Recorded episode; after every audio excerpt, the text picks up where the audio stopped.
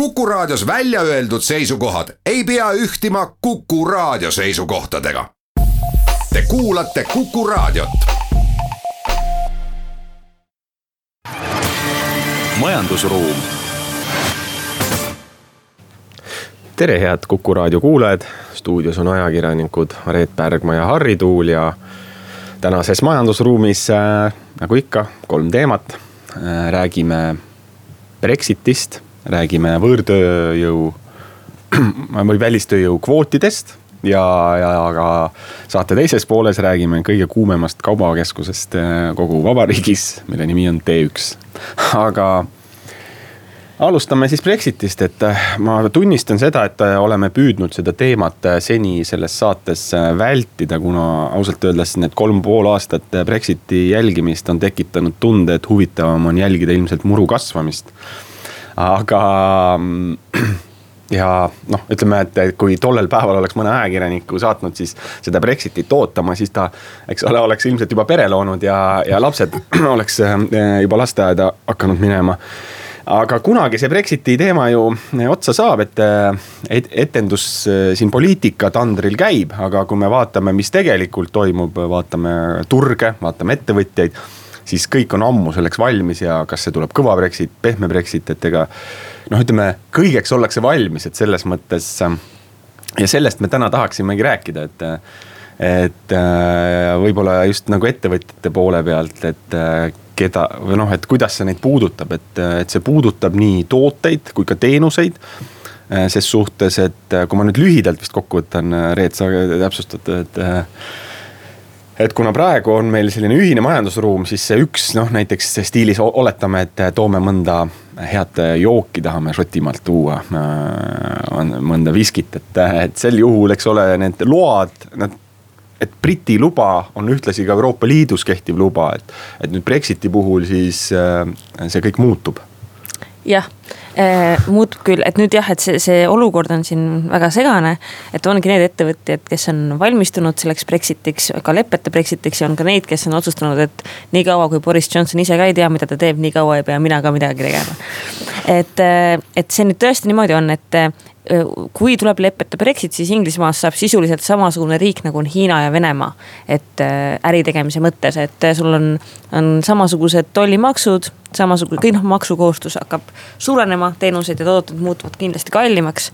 ja samamoodi, kui sul on praegu mingisugune toode, noh nagu sa tõid näiteks Šoti viski, on registreeritud või nii-öelda saadud luba selle müügiks Ühendkuningriigist, siis varem sellest piisas nüüd sa pead selle ümber registreerima ka nii-öelda Euroopa Liidu järelevalveasutustesse mm. -hmm. ehk siis äh, jah, et, et need äh, UK sertifikaadid ei, ei laiene enam Euroopa Liidule ja vastupidi ka mm. -hmm. et see on siis selline noh, tüütu aga samas kohustuslik ähm, nii-öelda paberimäärimine, mis hakkab toimuma.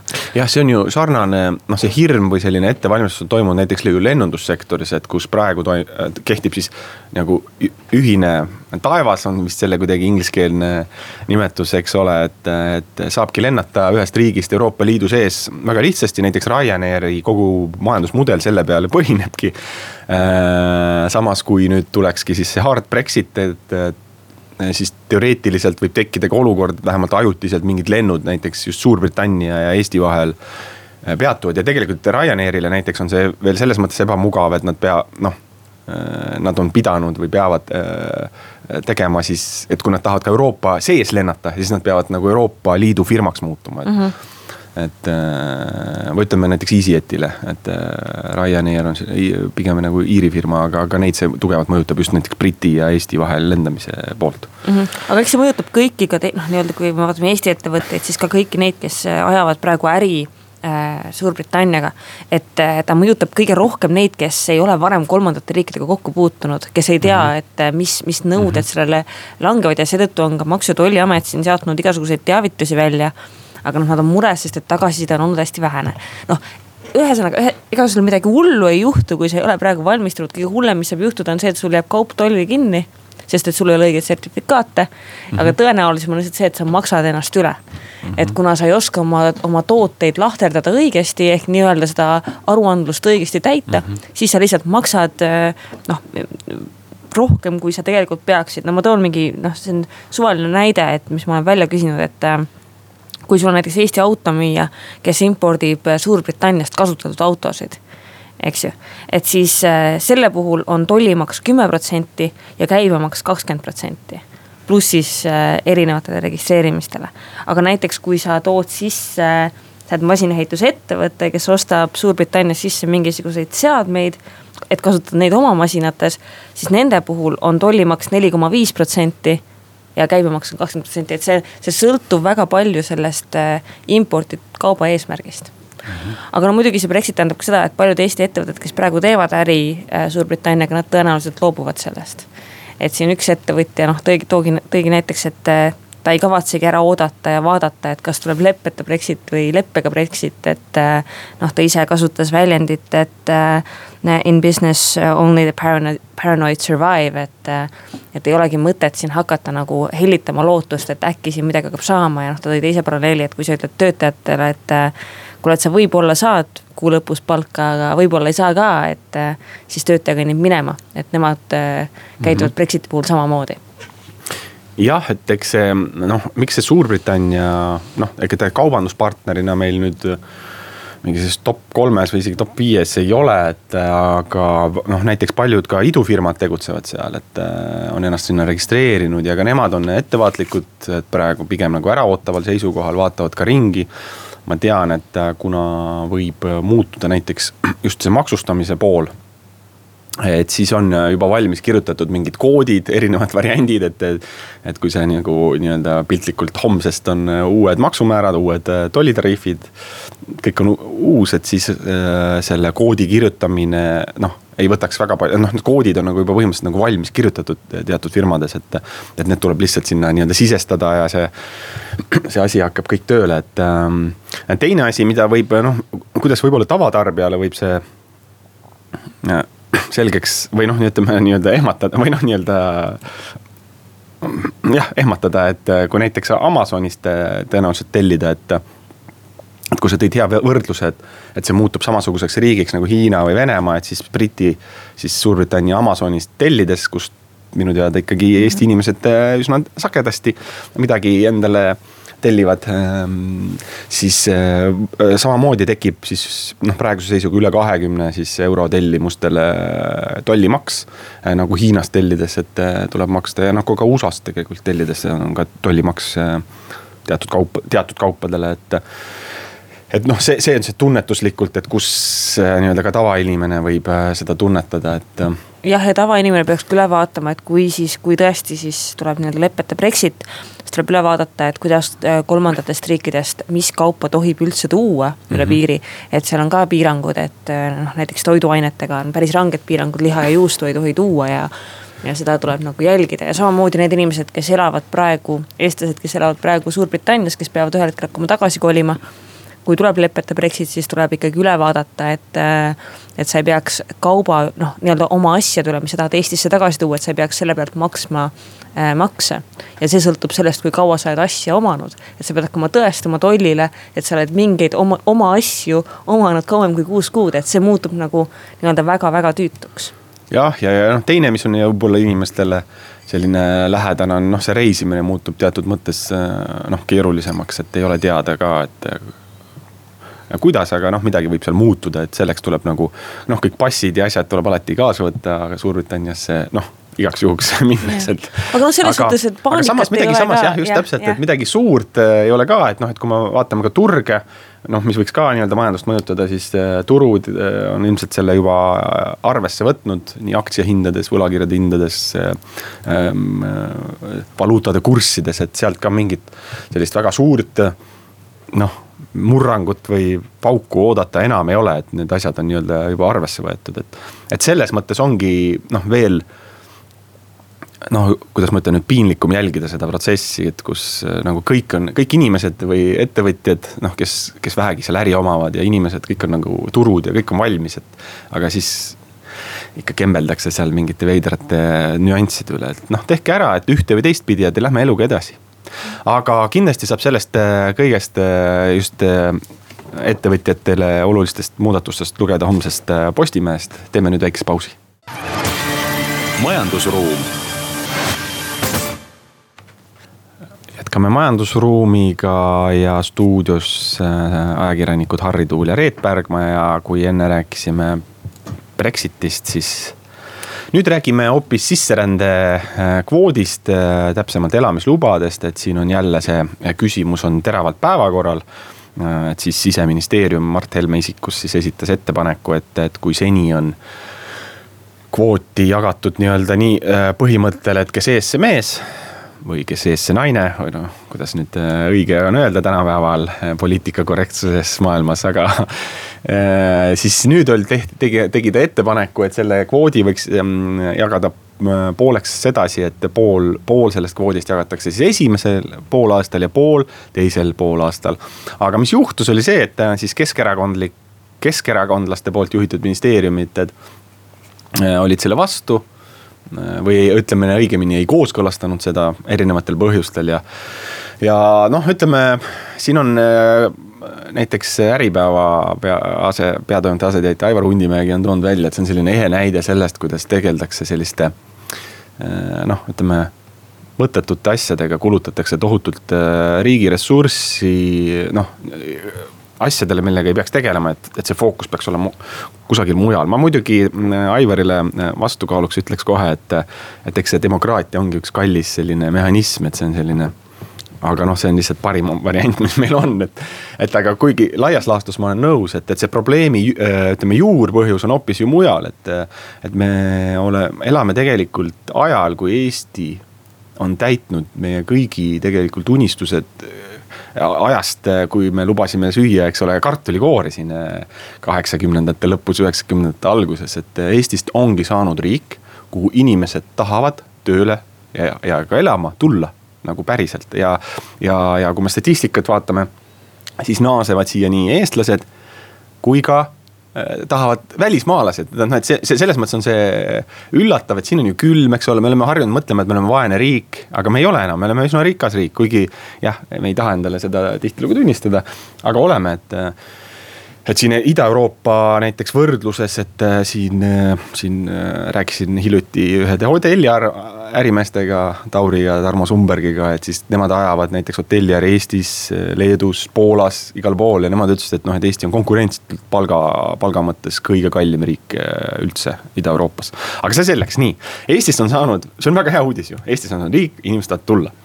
nii, aga mis on nagu viimase siin kolme-nelja aasta jooksul juhtunud, on see, et esiteks see sisserände rändekvoot, mis on siis null koma üks protsent meie rahvastikust. ehk siis tänavu siis tuhat kolmsada neliteist kusagil. et see on hakanud täituma ülikiiresti, et kui veel kahe tuhande kuueteistkümnendal aastal täitus ta detsembris. nii, siis äh, tänavu oli ta täis juba märtsis. ehk siis sisuliselt, et kui sa jaanuaris ennast sinna järjekorda ei pane, siis sa ei jõuagi siis sa ei saagi üldse, kukudki välja kohe nii, aga no aga, aga loodus ei, ei salli tühja kohta. mis on siis hakanud tekkima, on sinna kõrvale, on täitsa eraldi kategooria, on lühiajalised töötamised. et seal on sarnane muutus toimunud, et kui siin veel paar aastat tagasi oli lühiajaliselt Eestis kuskil kahe tuhande inimese ringis. siis nüüd on see arv eelmisel aastal juba ületas kahe, noh, ütleme jõudis kahekümne tuhande, kahekümne tuhande inimese piirini. ehk siis teisisõnu, see sisserändekvoot on selline natukene selline noh petlik äh, kujutelm äh, meile et justkui sisserännet või sellist äh, töörännet justkui ei toimu, et ongi, meil on piir peal tuhat kolmsada, aga tegelikult näiteks ongi lühiajalisel töötamisel. ei olegi mingit piirangut, et neid võib tulla tänavu ka on ennustatud muuseas ka, et kolmkümmend tuhat kolmkümmend tuhat inimest, et, et ja mis on veel juhtunud, et kuna noh, nii-öelda legaalset tulemine on üsna keeruliseks tehtud. ausalt, tulemine. siis on ka tekkinud, eks ole, selline noh, olgem ausad, must turg, kus inimesed tulevad nii-öelda, võtavad lihtsalt viisa nii-öelda turistiviisa ja tulevad tegelikult siia tööle, et ka neid inimesi on siia tekkinud. olgu, äh, seal on kindlasti ettevõtjaid, kes kasutavad nimelt selliseid skeeme, et eks ole, maksudest hoiduda ja nii edasi. aga kindlasti nende hulgas ka inimesi, kes noh, vaatavad, et see noh, et nii keeruline on mul siin Eestis makse maksta, minu jaoks on see nii keeruliseks tehtud, et. et aga noh, eks pere vajab toitmist, et ma tulen siis toidan vähemalt pere ära, et ma siia Eesti riigi jätan siis toitmata.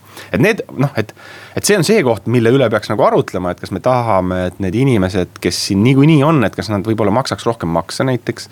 või osaleks rohkem selles elus, panustaks siia rohkem, jätaks siia rohkem raha või me ikkagi räägime sellest kvoodist, mis sisuliselt tegelikult noh, väga palju ei muutu kui me võtame veel arvesse ka selle, et sealt kvoodi alt jääb välja tohutu ütleme, tohutu on, vabandust, liialdus loomulikult, aga ütleme arvukas hulk äh, ameteid, näiteks äh, igasugused te tehnoloogiaga seotud IT-inimesed, et jäävad sealt täiesti välja, et äh, kes teenivad ka vähemalt kahekordset Eesti palka, et jah jah, ei see Helme see kvoodiplaan jah, et seda, seda, seda summat kuidagi, seda inimeste arvu kuidagi jagada pooleks ja pooleks ja siis veel jagada neid ka ju nii-öelda, nii-öelda inimeste e-, erialade järgi oli ju täiesti noh, arusaamatu, ka see kuussada viiskümmend inimest, mida ta tahtis panna, et, et kuussada viiskümmend äh, elamisluba antakse välja siis kaaluka riikliku huvi korral. Need on elamisload, mida tegelikult päriselus välja ei anta eriti, et see on nagu ministri allkirjaga sa saad sa selle loa välja anda et.... see loogikast ma saan mõnes mõttes aru, et eks, et kui me anname, kui ma annan juba, eks ole, veebruaris kõik load välja, et äkki mul tekib aasta teises pooles vajadus hoopis teistsuguste, ma ei tea, erialade ja inimeste äh, järele, aga küsimus on nagu selles, et see noh, see noh, see on selline nagu poolik lahendus või mm -hmm. natukene ma nagu teesklen lahenduse otsimist. jah, ei no samamoodi on ju see, et kui nad seda üritavad seda renditööjõu toomist äh, ka nüüd kontrolli alla saada, jah, et see on küll noh, ta on selles suhtes tänuväärne, et tõesti on väga halb. kui meil tulevad läbi mingisuguste Poola ja Leedu ettevõtete siin inimesed, kes makse ei maksa, kellel endal puuduvad sotsiaalsed tagatised. ja kelle eest keegi nii-öelda ei muretse, aga seda, seda probleemi peaks lahendama nagu terviklikult, et siin on noh, et see on mitu kohta. mitte niimoodi, et natukene parandame siitpoolt, natukene parandame sealtpoolt, aga tegelikult jah, tuleks seda vaadata, et noh, et kuidas siis süsteemselt seda korda saada? ma arvan, et need inimesed, kes nagu ausalt ja, ja noh, tulevad siia ja on nõus noh, täitma neid reegleid, mis meil on, et need, need, neid me võikski lasta, et ja me ei peaks neid nagu kuidagi kunstlike kvootidega võib-olla piirama, et, et me ise sätime, me ise. tähendab, kõige suurem kaotajad, ma arvan, et me oleme ise sellest, mitte need inimesed, et küllap need inimesed leiavad kas muu viisi või muu koha, kus töötada, aga. aga kas meil jääb midagi tegemata või siis ongi sellised, ütleme, mingid skeemid levivad, eks ole, neid skeeme meil, kas meil neid skeeme on vaja ja kas me ei võiks näiteks ka see maksustamise küsimus, eks, et kui meil on eelarves ikkagi palju puudu, aga me pigistame nagu silma kinni, et, et meil siin töötavad inimesed, aga me noh noh, nagu nendega ei tegele, et me tegeleme selle äh, sisserände kvoodiga. aga selle kahekümne, kolmekümne tuhande inimesega, et noh, et nendega me justkui ei, neile vaatame läbi sõrmede, et noh, need on need mõttekohad. majandusruum jätkame sa saatega, stuudios endiselt ajakirjanikud Reet Pärgma ja Harri Tuul ning majandusruumi on külaliseks tulnud äh, ka ProCapitali grupi äh, siis juhatuse liige Allan Remmelkoor no alustame kõige sellisest kuumemast teemast, vähemalt äh, ma ise olen olnud küll siin paar nädalat puhkusel, aga on väga palju artikleid jälle ilmunud. ütleme sellisest suurimast võib-olla maamärgist Eestis või Tallinnas on T1 kaubakeskus, et. Miks nii palju tähelepanu või miks, miks teist nii palju räägitakse? mis te ise nagu kõrvalt või no mis teile endale, kuidas see endale tundub? aitäh teile kõigepealt stuudiosse kutsumast.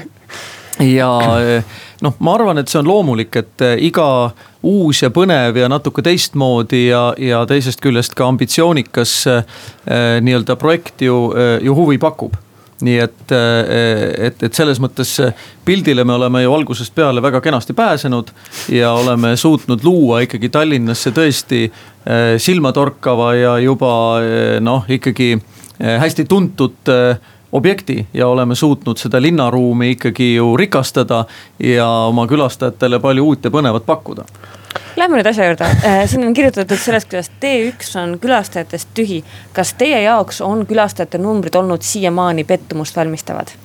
külastajate numbrid on olnud äh, madalamad küll, kui me arvasime. aga äh, teisest küljest ütlen jälle, et kõik uus ja innovatiivne, mis me meie majas nii-öelda loonud oleme, on tegelikult ka päris kenasti käima läinud see pool, millega ma ise võib-olla kakskümmend aastat tagasi nii-öelda Kristiine keskust luues ja seda üheksakümne üheksandal aastal avades. võib-olla ise nagu alustasin, ehk siis klassikaline kaubandus vajab praegu järeleaitamist aga samas, kui me mõtleme, kui palju on ühiskond ja meie tarbija selle kahekümne aastaga muutunud, siis ega tegelikult kaubanduskeskused Tallinnas väga palju muutunud ka pole Äh, on tehtud laiendusi, on vahend, vahetatud nii-öelda põrandaplaate ja valgustusi. Äh, aga loomulikult inimesed on harjunud äh, neis käima, selles ei ole mitte midagi üllatavat, ollaksegi ka inertsed. aga kõik kaubanduskeskuste arendajad, isegi mitte Tallinnas, vaid ka laiemalt üle ilma mõtlevadki täna ka ju selle peale, et eh, millised keskused ja milline kooslus järgmise kahekümne aasta jooksul võiks vastu pidada, et, et siis võib-olla kahekümne aasta pärast uut saadet tehes saab rääkida, et mis on alles, mis on edukas ja mis mitte, mitte võib-olla, võib-olla enam nii palju. no ma ise ei ole väga tihe kauas, kaubakeskuste külastaja, aga mul endal on ka kahetsed tunded, et ma ei tea, mis teil seal noh, et kui nii natuke, natuke konkreetsemaks minna, et ma ei tea, mis nendes poodides teil toimub, aga noh, samas teil on seal, ma tean, et on üks kuidas ma ütlen üks hüppe või batuudikeskus, et äh, mulle vahepeal tundus, et ükski Tallinna laps, laste sünnipäev ei, ei möödu nii, et see ei toimuks seal, et et kuidas see. mul on endal on? täpselt samasugune tunne ja noh, siin vist mõned nädalad tagasi saime ju tähistada tegelikult eh, põnevat sündmust. pool miljonit inimest on külastanud eh, siis eh, Super Skyparki ja vaateratast kokku. et see on ikkagi muljetavaldav number, suurem kui mis iganes selline pere nagu atraktsioon, mis, mis Tallinnas on. et et äh, selles mõttes ongi iga uudne ja huvitav äh, ongi nagu läinud käima, sest ega Tallinnas sellist äh, kohta nagu nüüd täna tõesti meil Skypark ja, ja, ja ka vaateratas, et ega, ega sellist ju mujal ei ole ka varem olnud. ja inimesi tulebki täna meelitada nii-öelda moosida neile pakkuda uut ja huvitavat, mis loob emotsioone no Skypark on populaarne, sellele ei saa keegi vastu vaielda, aga selles suhtes, et teil on ju ülejäänud keskus ka üürnikke täis, et äh, kui palju te olete pidanud siin üürihindasid langetama ja kuidas te kavatsete siis äh, nii-öelda üürniku noh, nii-öelda, kuidas te kavatsete neil kliente tooma hakata?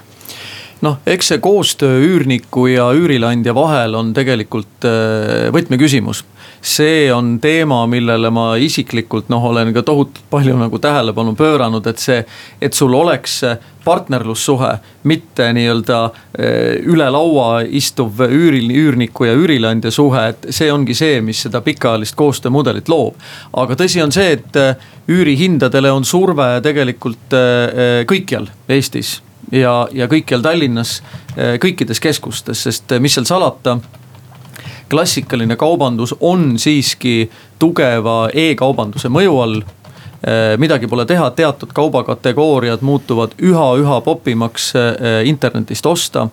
Äh, IKEA avamine samuti ju hea näide, eks ole e, e-kanalid ummistusid äh, siin esimestel päevadel, perioodidel. Äh, küllap mahud olid suuremad, kui oli, oli arvatud.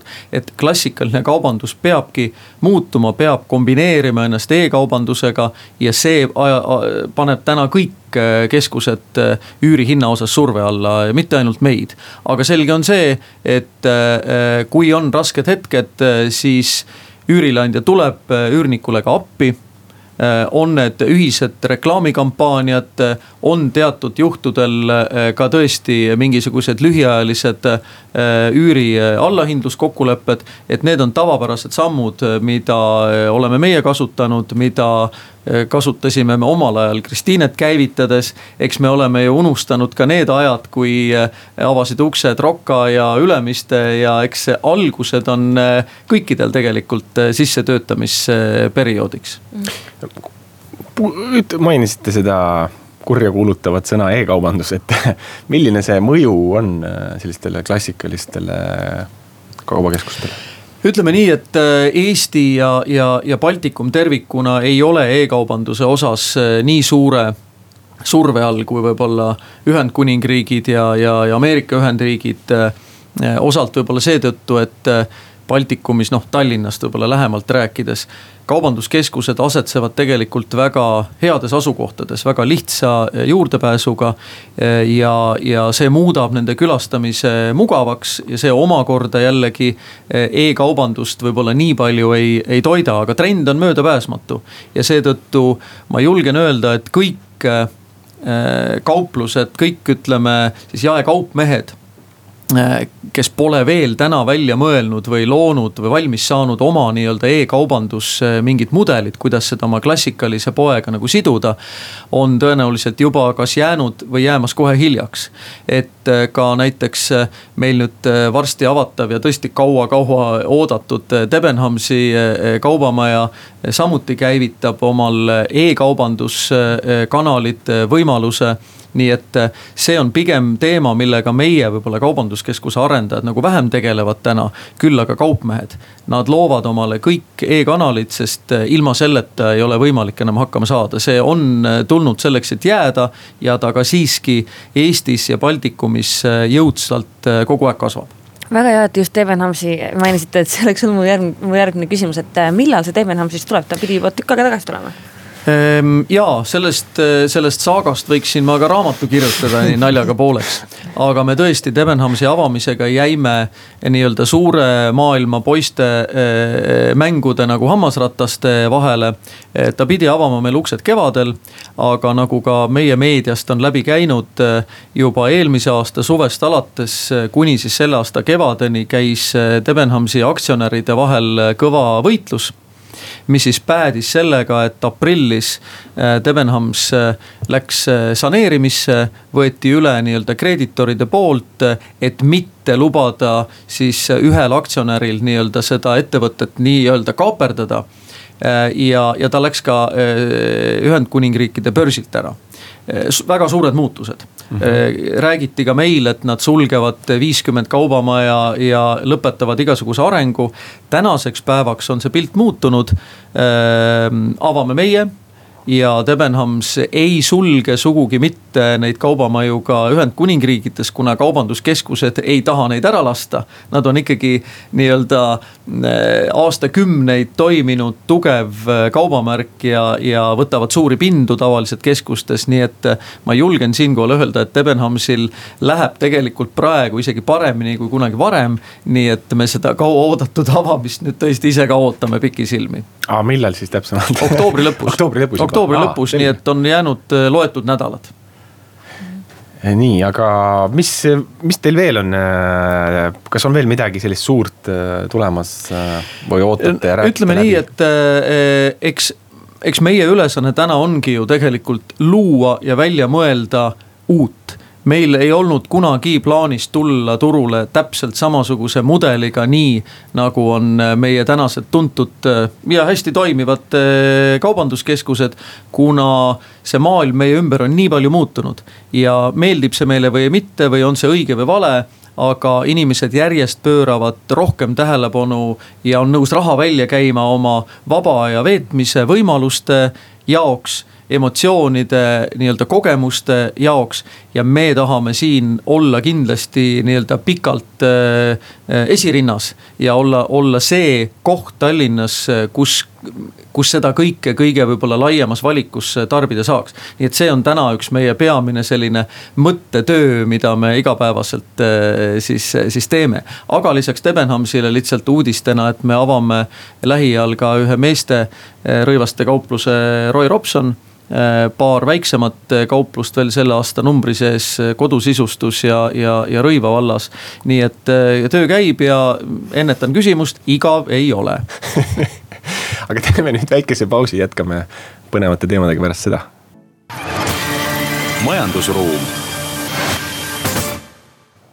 jätkame saatega stuudios ajakirjanikud Reet Pärgma ja Harri Tuuli ning meil on külas ProCapital Grupi juhatuse liige Allan Remmelkoor. rääkisime siin just T1 kaubakeskusest ja nendest raskustest, aga räägiks laiemalt ka, et äh, sellisest konkurentsist üldse Eesti Tallinna turul, et ma mäletan, et üks kümme või viisteist aastat vähemalt on räägitud sellest, kuidas uusi kaubanduskeskusi Tallinnasse ei mahu, et ja ometi tuleb neid juurde ja, ja, ja, või siis need laienevad, et ja on räägitud, et e-kaubandus lööb õide ja ikka tuleb ja ometi tuleb ikka kaubanduskeskusi juurde, nad laienevad, et mis, millest, millest me aru ei saa või mis, mis toimub? ma arvan, et üks äh, oluline siiski äh, argument, äh, nii-öelda ratsionaalne argument on see, et Eestis või Tallinnas, kui me Tallinnast räägime, ei ole tegelikult sellist klassikalist kesklinna tänavakaubandust, mida me mhm. oleme harjunud nägema noh, sisuliselt kõikides Euroopa ja maailma suurlinnades. et puht ajalooliselt on äh, Tallinnas äh, kaubandus kontsentreerunud hästi palju kaubanduskeskustesse. ka sellel samal põhjusel, et nad asetsevad äh, heades asukohtades, enamik nendes vanades nõukogudeaegsetes nii-öelda tehase või vabriku hoonetes või piirkondades ja, ja see on üks põhjus, mikspärast tõesti neid võib-olla on suhteliselt rohkem kui, kui mõnedes Euroopa suurlinnades. aga eh, eks see areng kindlasti või eks see juurdekasv kindlasti ka, eh, ka väheneb, eks ole. Eh, oleme kuulnud ju siin omal ajal, kuidas lõpetati Porto Franco, mitte Porto Franco, vaid Lasnamäel panoraama projekt, eks ole. on olnud kuuldusi, et Tallink oma suurt kaubandus- ja vaba aja keskust eh, Lasnamäele siiski ei ole rajamas või on seda vähemalt lükanud nii-öelda määramatusse tulevikku eh, edasi. ja ka kõik uued projektid ja ei saa salata, et ka, ka meie T1 ka, ka meie start ju tegelikult lükkus mõned aastad siis võrreldes võib-olla esialgselt kavandatuga. et selge see, et turul konkurents on hästi kõva ja, ja selge, et see paneb survet ka nendele samadele eh, üürihindadele, eks ole. aga ma arvan, et peamine eh, teema, millega kõik eh, täna tegelevad, on ikkagi see, et kuidas seda pealekasvavat tarbijaskonda, pealekasvavat klienti ikkagi meelitada Äh, ka meie teeme täna näiteks palju koostööd siin Colliersiga. ja minu meelest vist Aavo Rõõmussaar oligi just Colliersist see mees, kes ütles, et samal ajal kui meie ehk siis T1-s mõtleme selle peale, et kuidas saada võib-olla mõningaid uusi põnevaid kauplusi juurde. kõik teised kaubanduskeskused mõtlevad, kuidasmoodi saada seda nii-öelda vaba aja veetmisvõimalusi juurde ja kuidas neid kontseptsioone luua. et see on tegelikult see suund mis, mis muutub, mis hakkab muutuma. ja iga uus projekt, mis Tallinnasse kas tuleb või, või peaks tulema või kavandatakse. peab väga-väga oluliselt mõtlema just selle peale, et kuidas seda vaba aja veetmisvõimekust või võimalusi külastajatele pakkuda, neid emotsioone, kogemusi, mida sa e-kaubanduse kaudu ei saa. ja e, ei pruugi ju meilgi olla kaugel need ajad, kui kaubanduskeskuse nii-öelda alal Äh, avatakse mõni raamatukogu, mõni äh, perearstikeskus, võib-olla kunagi mõni lastehoid. Ka meile on hästi palju tulnud pöördumisi või küsimusi, et kas midagi sellist saaks teha. nii et see on, ma arvan, see, see suund, kuhu see, see turg Tallinnas on arenemas. aga kui palju, no siin räägitud ka sellest, et, et võib-olla osad kaubanduskeskused ei olegi eestlastele ehitatud, vaid ongi näiteks soomlased, põhiliselt Soome või ütleme välisturisti klientuur? Ma arvan, et iga kaubanduskeskus, mis on Tallinnas, see põhiline klientuur peaks tulema kindlasti ikkagi kohalikult mm -hmm. elanikult. noh, me võime öelda, et võib-olla Nautica on täna see, kus võib-olla suvekuudel see turistide osakaal on võib-olla kõige suurem teiste külast-, teiste keskustega võrreldes. aga noh, ka meil ikkagi vaateratast suvekuudel käis üle viiekümne tuhande turisti nii-öelda külastamas. et kindlasti see turistide osakaal on suur ja õnneks Tallinn on siin ikkagi äh, noh, hea näide, et sadam äh, toimib väga aktiivselt, lennujaam on, lennu, lennuliiklus on kasvamas. Äh, ma tean, et lähinädalatel või isegi lähipäevadel peaks avalikustatama ka uue Tallinna siis ühisterminali hoone arhitektuurikonkursi tulemused. Rail Baltic kindlasti sünnib nii, et need ühendused Tallinnasse noh, paranevad aastast aastasse Äh, kui me nüüd räägime ka nendest kauplustest ja kaupluste leidmisest, et Eestis tundub vähemalt Tallinnas, et kõikides kaubanduskeskustes on täpselt samad poed. samamoodi ju T1 on, te olete üle tee on, on Ülemiste keskus, kus on esindatud praktiliselt kõik rõivabrändid, mis üldse Eestis müügil on. aga samas ka tundub, et eestlased ei ole huvitatud väga nendest brändidest, mida nad ei tea ja ei tunne. Äh, kuidas leida või kuidas panna kaubanduskeskus täis poode, kuhu inimesed tahavad tulla? See on jällegi üks, üks peamisi nii-öelda ülesandeid meil oma töös, ehk siis kui kaubanduskeskust kavandatakse, planeeritakse ja, ja, ja arendatakse. leida see tasakaal nii-öelda heade tuttavate ja põnevate uudiste vahel, sest nii-öelda igapäevajutus või laua taga vesteldes on loomulikult kõik inimesed hästi põnevil, et tooge uudiseid ja, ja igal pool on üks ja sama aga siis, eh, kui sa neid uudiseid ka nii-öelda tood, et meilgi ju, ju T1-s on üle viiekümne täiesti unikaalse kaupluse, mm, restorani, noh üldiselt nagu kontseptsiooni. Eh, siis tõesti arvatakse jällegi, et noh, nüüd jälle neid tuttavaid on nagu vähe. et selle tasakaalu leidmine ei ole sugugi lihtne ja loomulikult iga uue kaubamärgi turule toomine või kontseptsiooni nii-öelda tekitamine eh, on, on, ongi ju tegelikult risk aga ma ütlen, et see on möödapääsmatu ja kopeerida samu kooslusi, mis on kõikjal mujal, see tee kindlasti eh, eh, pikas perspektiivis eh, edasi ja kaugele õnne poole ei vii kas võib väita, et kui me nüüd võrdleme kaubanduskeskuseid siin kümne aasta taguse ajaga, praeguse ajaga, siis, siis see turundusosakaal on, on mitmekordistunud, et kui varem oli niimoodi, et tegid kaubanduskeskuse lahti, siis kliendid nii-öelda voolasid sisse, väga palju reklaami pidanud tegema. siis kuidas nüüd seisukohalt? Eh, ma ütleks nii, et turundus on olnud ikkagi läbi aegade väga-väga oluline osa, sest sa saad eh, kaubanduskeskuse nii-öelda positsioneeringut või, või seda tunnetust turul muuta loomulikult ka uute kaupluste, uute kontseptsioonidega. Eh, aga see on pikaajalisem protsess. turundus on see, mis võib-olla mõjub vahetumalt ja, ja millega on võib-olla kiiremini inimeste hoiakut võimalik muuta. Eh, samal ajal ta jällegi ei loo siiski võib-olla nii tugevat sidet kui konkreetne mm, teenuspunkt, kauplus aga me omal ajal ju, ju kui eh, Kristiinet lõime, olime kindlasti Tallinna turul üks esimesi, kes eh, turundusele kui sellisele nagu suurt tähelepanu eh, ju, ju pööras.